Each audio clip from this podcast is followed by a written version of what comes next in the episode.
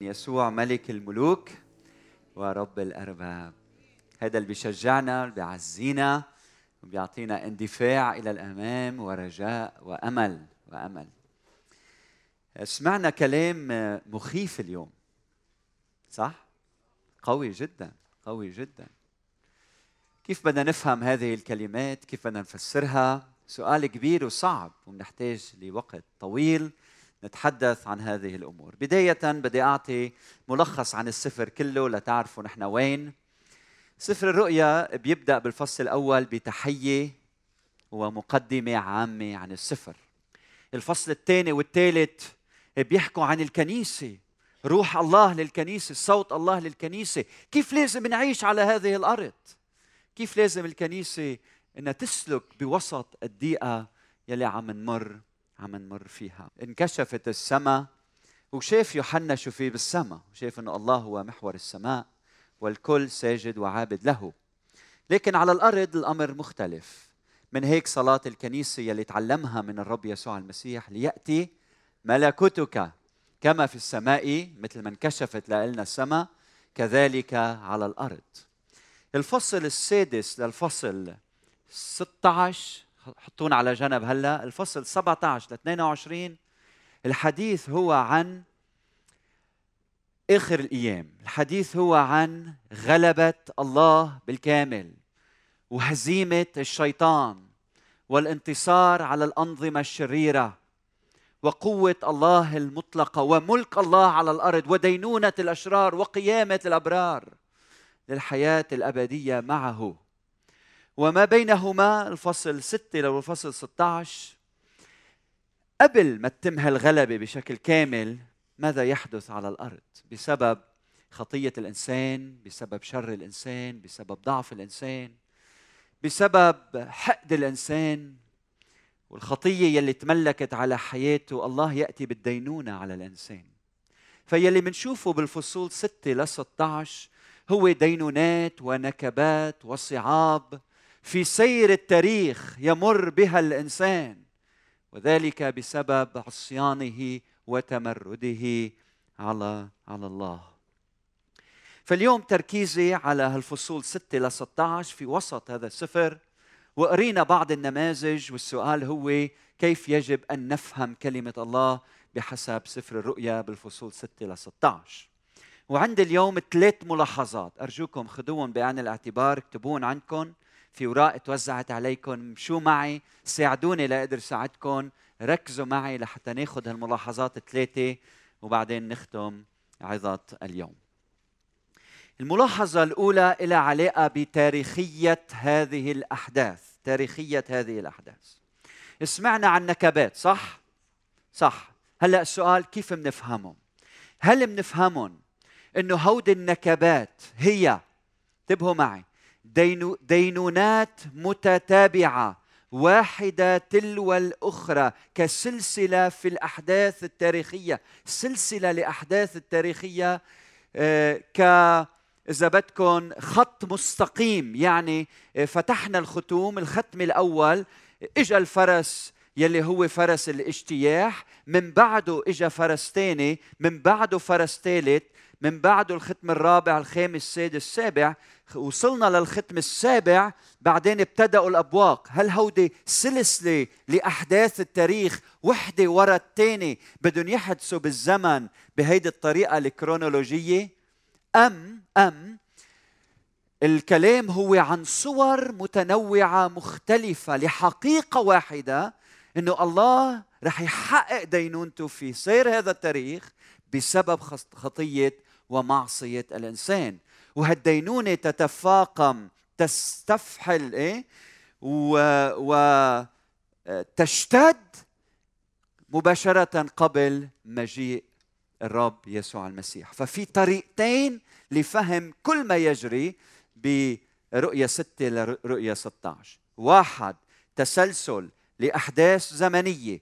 وحدة ورا الثانية الختوم بالأول السبعة بعدين بيجي من بعدهم مباشرة الأبواق بعدين بيجي الجماد إلى حين مجيء الرب يسوع المسيح. أو كل هالختوم والجمات والأبواق كلها صور رمزية مجازية متعددة متلونة مختلفة لحقيقة واحدة. الله سيدين شعبه أو سيدين الشعوب الأمم خليقة الله العاصية التي تسجد وتعبد الوحش. شوفوا مثلا كيف الأمور تتفاقم.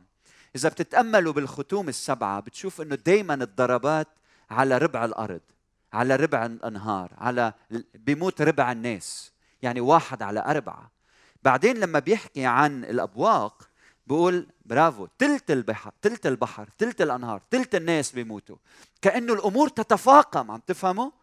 بعدين لما يحكي عن الجماد ما بيجيب سيره التلت والربع بيحكي عن الكل عن الجميع كأن الأمور عم تتفاقم إلى إلى النهاية. كيف ما بدك إفهام الصور؟ أهم شغلة عندما تقرأ سفر الرؤيا ما تفكر إنه هيدا كتاب تاريخ هيدا منه أعمال الرسل هلأ.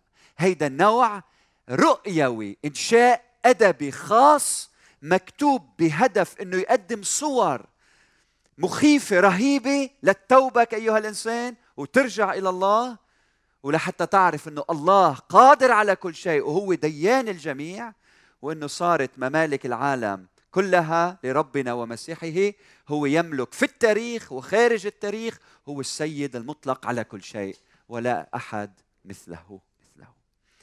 طيب بيتبع هذا السؤال سؤال ما هو التوقيت الدقيق لهذه الأحداث؟ بنحب نعرف. قولوا لنا أمتين بدهم يصيروا هالأحداث لنحضر حالنا. إلهنا بالنا إنه ما في جواب. سفر الرؤيا بيكشف لنا مخطط الله وليس توقيت الله للأحداث. وبدكم تميزوا بين الاثنين. في مخطط لله إنه يسود على هالخليقة وسيدين الأشرار لكن ما بيعطينا التوقيت المحدد لكل حدث. أوعى تنتظر وتقول آه الحرب العالمية الأولى آه هيدا الختم رقم أربعة. هالحادثه ابدا. نحن ما بنعرف توقيت هذه الأحداث. المطلوب منا إنه شو؟ إن نكون مستعدين. كل واحد منا يكون مستعد لأنه مجيئه كلص يأتي في الليل. طب هل بعض هيدي الأحداث يلي انذكرت بسفر الرؤيا صارت؟ حدثت؟ الجواب نعم. البعض صار البعض عم بيصير والبعض رح يصير.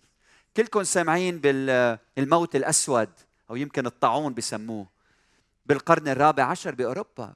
بين 40 ل 60% من الشعب الأوروبي مات بثلاث أربع سنوات. شو هالحادثة هيدي؟ بقيوا 200 سنة لحتى يستعيدوا النسل. 200 سنة بقيت أوروبا عم بتعاني نتيجة هذا الأمر. بال 1976 ب 28 تموز على الأربعة إلا ربع صار هزة أرضية مخيفة بالصين. أكثر من نص مليون شخص بلحظة ماتوا. بلحظة. ما عدا 700 ألف انجرحوا وتألموا. هالامور هالأمور عم تتحقق. نعم. وتتحقق اليوم. نعم. وستتحقق. نعم. لكن هل سفر الرؤيا تحديدا كان عم يحكي عن الزلزال يلي ضرب الصين سنة 76 لا. هل بيشمله نعم بيشمل كل ما يحدث لكن منه الهدف يقول لك هالعبارة هالكلمة رح تتحقق بهالتاريخ بهيدا الزمن. فنحن بحالة انتظار مستمر وعلى الكنيسة إنها تكون أمينة تنتظر مجيء الرب لأنه مكتوب يوم واحد عند الرب كألف سنة. ولا يتباطأ الرب عن وعده كما يحسب قوم التباطؤ لكنه يتأنى علينا لأنه لا يشاء أن يهلك أناس بل أن يقبل الجميع إلى التوبة هل أنت مستعد؟ إذا ما بنعرف بس فينا نعرف إذا نحن مستعدين هل عاطي حياتك ليسوع؟ هل التجأت إلى الخروف المذبوح؟ هل صرت في المسيح؟ هل اختبرت فداء وخلاص الرب يسوع المسيح لحياتك؟ بدعيك اليوم ما تأجل اليوم يوم خلاص ما تأجل أعطي حياتك ليسوع لأنه ما حدا بيقدر يضمن حياته. دقيقة واحدة. ما حدا منا ما حدا عنده قدرة أنه يضمن أي شيء في هذه الدنيا. خلاصة سفر الرؤيا في كشف لمخطط الله لكن لا يوجد فيه كشف للتوقيت لتوقيت الأحداث. النقطة الثانية أو الملاحظة الثانية كيف هلأ بدنا نفهم هذه النكبات؟ هل بنفهمها؟ موضوع مهم حرفيا ولا مجازيا؟ هل يعني جاي يوم بده يجي حصان لونه أحمر وأسود؟ هيك هيك بدنا نفهمهم؟ بعتقد حسمنا هالموضوع بالماضي وقلنا إنه سفر الرؤيا مليء بالصور والصور تتقدم على الكلام والمجاز على الحرفية ومليء بالرموز والصور المجازية يلي مطلوب منا نلاقي الفكرة خلف الصورة خلف الصورة. وهيك فهموا كتاب والمستمع الأول هيك فهم سفر الرؤيا. مثلا الأفراس أو الفروس الأربعة في واحد لونه بقول أبيض يلي هي علامة الغزو والانتشار وال وال وال إذا بدكم روح الاجتياح يلي بده يصير بالعالم. الفرس الثاني لونه أحمر علامة الدم والقتل. الفرس الثالث لونه أسود علامة الجوع. والله يساعد بلادنا من الجوع. والفرس الأخير لونه أخضر باهت يلي هو علامة الموت. فشو المقصود من هالكلام؟ المقصود إنه هودي محاور أربعة الله بيستخدمهم كدينونة بسبب شر الإنسان وبعده عن الله. فبيستخدم الموت الدم الاجتياح الجوع الوباء كل هيدي الأمور حتى يدين الإنسان بسبب خطاياه. هل الله هو السبب؟ لا. آه، خطية الإنسان. الغضب والسخط يلي بقلبك يلي بوجهك إنك تجتاح غيرك وتقتل غيرك. بس بسبب خطية هالانسان وانتبه ما في خطية بتعملها ما بتأثر على غيرك. فكر بأي خطية بتعملها إلى تأثير على الآخرين. يمكن ما حدا بيعرف لكن تؤثر مباشرة أو غير بشكل غير مباشر على حياة الآخرين اللي معك زوجتك اولادك أصدقائك أعضاء كنيستك. فدائما الخطية اللي بنعملها لها تأثير سلبي. والله يعاقب الإنسان نتيجة خطية الإنسان. الكلام الموجود بسفر الرؤيا من 6 ل 16 لخص الرب يسوع المسيح ببعض العبارات وإجا يوحنا أخذ كلام الرب يسوع المسيح وحط لنا فيلم مصور قدام عينينا. روحوا معي إنجيل لوقا الفصل 21 والعدد التاسع. وما بعد بيقول فإذا سمعتم بحروب وقلاقل أو الفتن لا تجزعوا لا تفزعوا لأنه لابد أن يكون هذا اولا ولكن لا يكون المنتهى سريعا. ثم قال لهم تقوم أمة على أمة ومملكة على مملكة وتكون زلازل عظيمة في أماكن ومجاعات وأوبئة وتكون مخاوف وعلامات عظيمة من السماء. وقبل هذا كله يلقون أيديهم عليكم ويطردونكم ويسلمونكم إلى مجامع وسجون وتساقون أمام ملوك وولاة لأجل اسمي. فيقول ذلك لكم شهادة. فهالجملتين اخذهم سفر الرؤيا بالرؤيا؟ وقدم وحط لنا كيف الله بده يدين؟ شو بده يصير في سير هذا التاريخ؟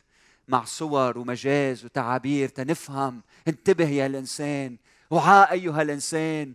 ما تضلك عايش بالخطية والشر الدينونة. اتيه صلاتي أن تنجو اليوم. تنجو اليوم من دينونة الله بأن تلتجئ وتدخل في يسوع المسيح ابن الله الوحيد مخلص هذا هذا العالم. شو الغاية من هيدي الصور؟ أول شيء تظهر عظمة الله.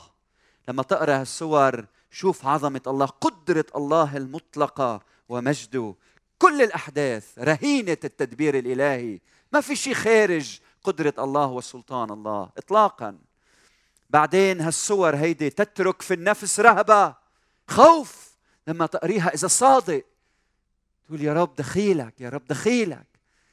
احميني احمي عائلتي من هذه الدينونات. بالختام بقول بالنقطة الثانية نحن أمام صور مجازية تظهر عظمة الله وتترك في النفس رهبة وتدعونا للنجاة تدعونا للنجاة. خلي هيدي الرهبة تقود لمخافة الله ومعرفة معرفة الله. الملاحظة الثالثة والأخيرة هي حول الكوارث الطبيعية يلي بنقرأ عنها. وما عم بحكي عن زلزال صغير هون وهون. عم بحكي عن كيف النجوم تتساقط على الأرض وكيف هالكون كله عم يرتجف وشو عم بيصير على المستوى الكوني. كيف بدنا نفهم هذه الأمور التفاف السماوات والكوارث الكوارث الكونية. يجب أن تفهم كما فهمها المستمع الأول. هيدا الأصول هيك بنفهم كلمة الرب كيف فهمها المستمع الأول. مثلا نحن أيام الحرب الدارج عبارة بنقول أنا خرطوش فردك سامعينا أنا خرطوش فردك. الضباط بيعرفوا عن شو عم نحكي. أنا خرطوش فردك. إذا بعد 2000 سنة جينا حتى نفسر عبارة أنا خرطوش فردك. قريناها بكتب من الكتب مكتوبة من 2000 سنة وجينا بنفسرها كيف بنفسرها؟ هل بنفسرها حرفيا إنه لما القسيس لما فلان قال لفلان أنا خرطوش فردك. يعني هو كان مؤمن إنه عم يتحول لخرطوشة وراح الآخر يتحور لفرد والخرطوش راح تفوت بهالفرد ويطلق النار على الآخرين. هيك بيفهمها؟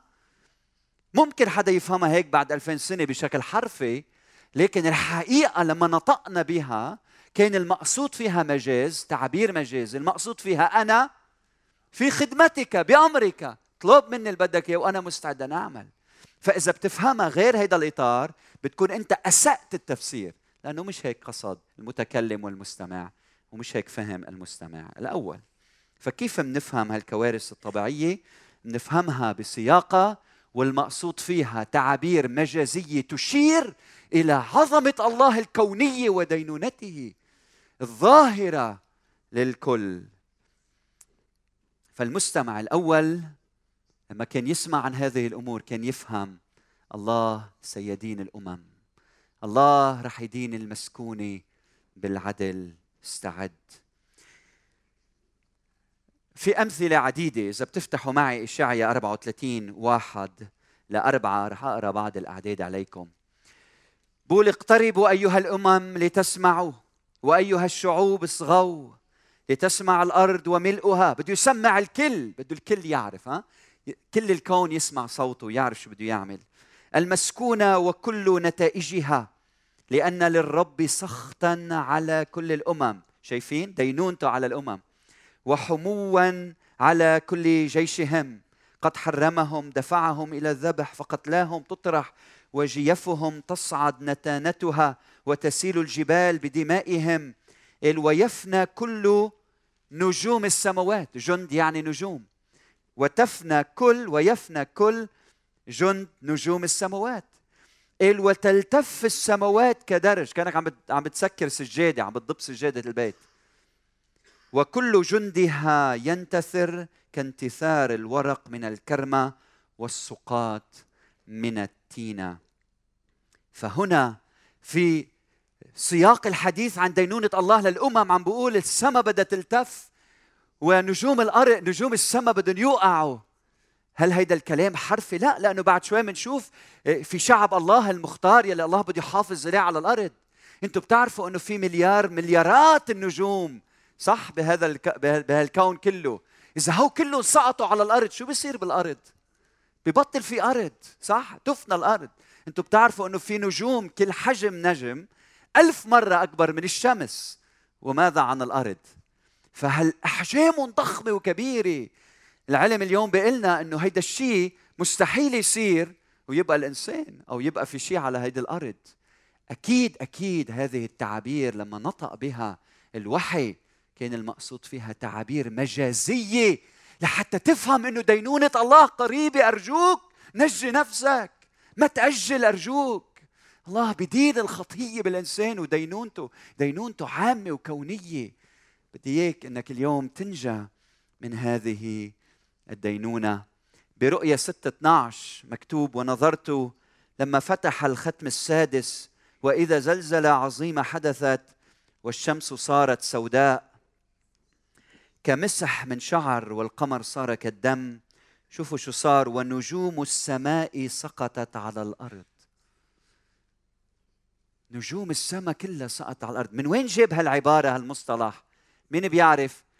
من إشعيا إشعيا طلعوا معي على العدد أربعة. ويفنى وتفنى كل نجوم السماوات. نفس العبارة. كما تطرح شجرة التين سقاطها. كمان رجعوا على إشعيا والسقاط من التينة نفس المصطلح. بعدين إذا هزتها ريح عظيمة. العدد 14 والسماء انفلقت كدرج ملتف. ونراها هنا وتلتف السماوات كدرج كل هذه تعابير مجازية عم يستعمل نفس لغة إشعيا لحتى يقلنا دينونة الله عظيمة جدا ودينونة الله كونية هل أنت مستعد؟ هل أنت مستعدة؟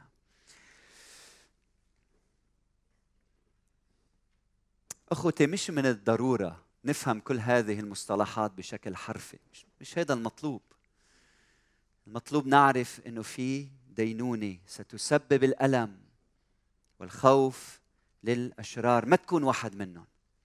أرجوك ما تكون واحد منهم. اسمعني ما تكون واحد منهم. تعال عند الرب يسوع المسيح. اختبر خلاصه وفدائه لتنجو من الدينونة. الخلاصة الكوارث الطبيعية هي وصف رؤيوي لدينونة الله العظيمة والمخيفة المرعبة المفزعة المروعة. الله يتحرك بهذا التاريخ الله موجود بيناتنا. الله يعمل في التاريخ وخارج التاريخ. إياك تظن الله غايب الله حاضر. بالبركة وحاضر لكي يدين. طيب كيف يكون بالختام؟ هلأ عم بختم. كيف بيكون وضع الكنيسة موقف الكنيسة وكيف بيكون وضع العالم موقف العالم بالختام؟ موقف الكنيسة بحسب سفر الرؤيا الكنيسة ستبقى أمينة. أمين؟ فعيش بأمانة. آه، في الضيقة رح نعبر بهالضيقة لكن في الكنيسة رح تعيش أمينة لأنه روح القدس معها لأنه الخروف يرعاها لأنه الرب حاضر بحياتها. فتشجع أيها المؤمن تمسك بالرب عيش في المسيح وحب الرب من كل قلبك. الأمر الثاني الكنيسة تشارك نصرة الخروف كيف؟ من خلال شهادتها. مش بس منعيش أمانة لأنه إذا بس بتعيش بأمانة بتروح بتتخبى بتروح بتعيش على جبل. لا الكنيسة تعيش شاهدة في وسط العالم. فنحن منعيش بأمانة ببيوتنا وبعلاقاتنا وبين الناس وأيضا كل فرصة عنا إياها بنشهد لنساعد الناس مثل ما اليوم أنا عم بشهد قدامكم لحتى نجيك من الدينونة. اعطي حياتك ليسوع. منساعد هالناس منكون صوت صارخ في البرية لحتى نعد طريق طريق الرب. فالاثنين اولا الكنيسة أمينة اثنين كنيسة شاهدة. وثلاثة الكنيسة تعيش في ضوء المستقبل كنيسة نموذجية. كنيسة نموذجية يعني نحن منعيش نموذج عن الآتي. الكنيسة مش بس تتلقى وعود الله وفيها تتحقق وعود الله هي أيضا باكورة العالم الجديد. يعني ما يحدث في العالم الجديد إذا بدك تعرف شو هو انظر إلى الكنيسة. الكنيسه اليوم بتعيش على هالرجاء رجاء المستقبل بتعيش السماء على الأرض. نحن اليوم نملك مع المسيح.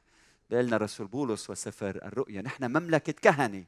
فكيف أنت بتعيش؟ إذا العالم بده يتطلع كيف الناس بيعيشوا مع بعضهم بالسماء؟ كيف بحبوا بعضهم؟ تعال على الكنيسة وبتشوف. شوفوا شو هالمسؤولية على كاهلنا إنه نعيش حياة فيها أمانة للرب ونعيش حبنا لبعضنا البعض المقدس.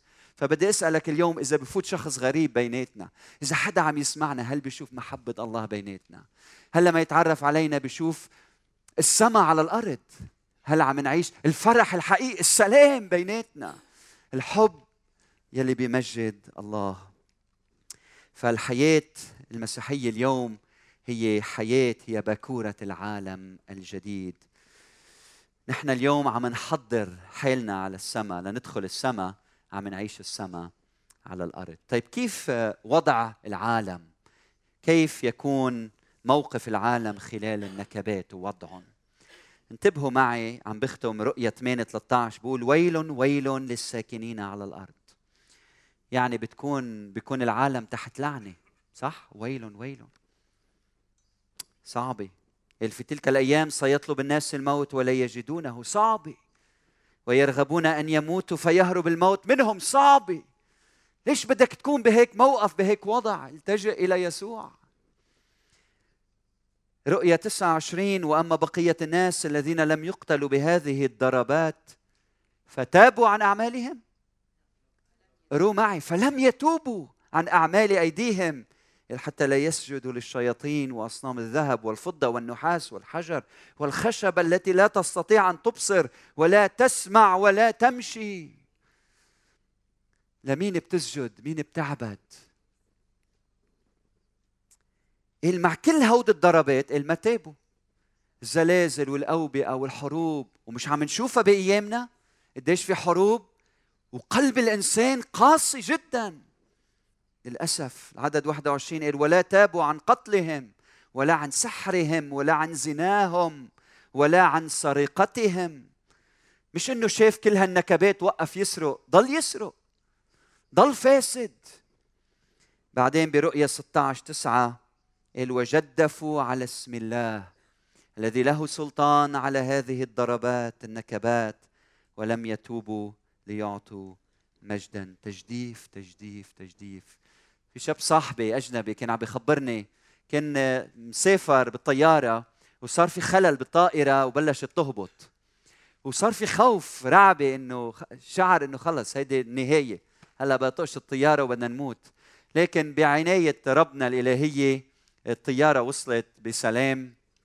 وكان عم بيخبر وقال لي كنت متوقع إنه هالناس وعم تهبط الطيارة يكونوا بحالة صلاة خوف ويا رب دخيلك ارحمنا اجت النهاية. ما بحياته سمع تجديف قد ما سمع بهيدي بهاللحظات.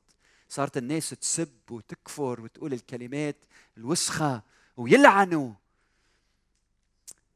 بدي خبرك شيء اليوم إنه هودي النكبات ما بتوبوا الإنسان الهيئة. فقبل ما يجوا هود الضربات على هالدنيا على العالم خليني أقول قبل ما يجوا هالضربات عليك والنكبات يلي ما رح يتوبوا قلبك في شيء أقوى يلي بيتوبك هو حب الرب يسوع المسيح يلي أعطى حياته من أجلك. خلاص يسوع المسيح صليب الرب يسوع المسيح. المسيح المعلق على الصليب حبه الهادئ أقوى من أي دينونة أخرى. أنت اليوم قلبك محتاج إلى خلاص. تعال عند الرب يسوع المسيح واختبر حبه وشفائه وخلاصه لإلك أرجوك ما تأجل. لأن كلمة الصليب عند الهالكين جهالة أما عندنا نحن هي قوة هي الديناميت. الله هي أقوى من أي نكبة أو زلزال أو أي شيء في هذا العالم. لما تختبر حب المسيح وما صنع من أجلك ما فيك إلا ما تجي لعنده ساجد عابد. بحريتك الكاملة. تقول له يا رب حياتي وحبي وعمري لإلك. بدي أعطيك حياتي. ليس لحتى أهرب من الدينونة بل لأني عشقتك وحبيتك واختبرت شو عملت من أجلي. وكيف ضحيت بحياتك لكي تعطيني الحياة. جاي أسجد قدامك وأعبدك وأعطيك ولائي وعمري وحياتي.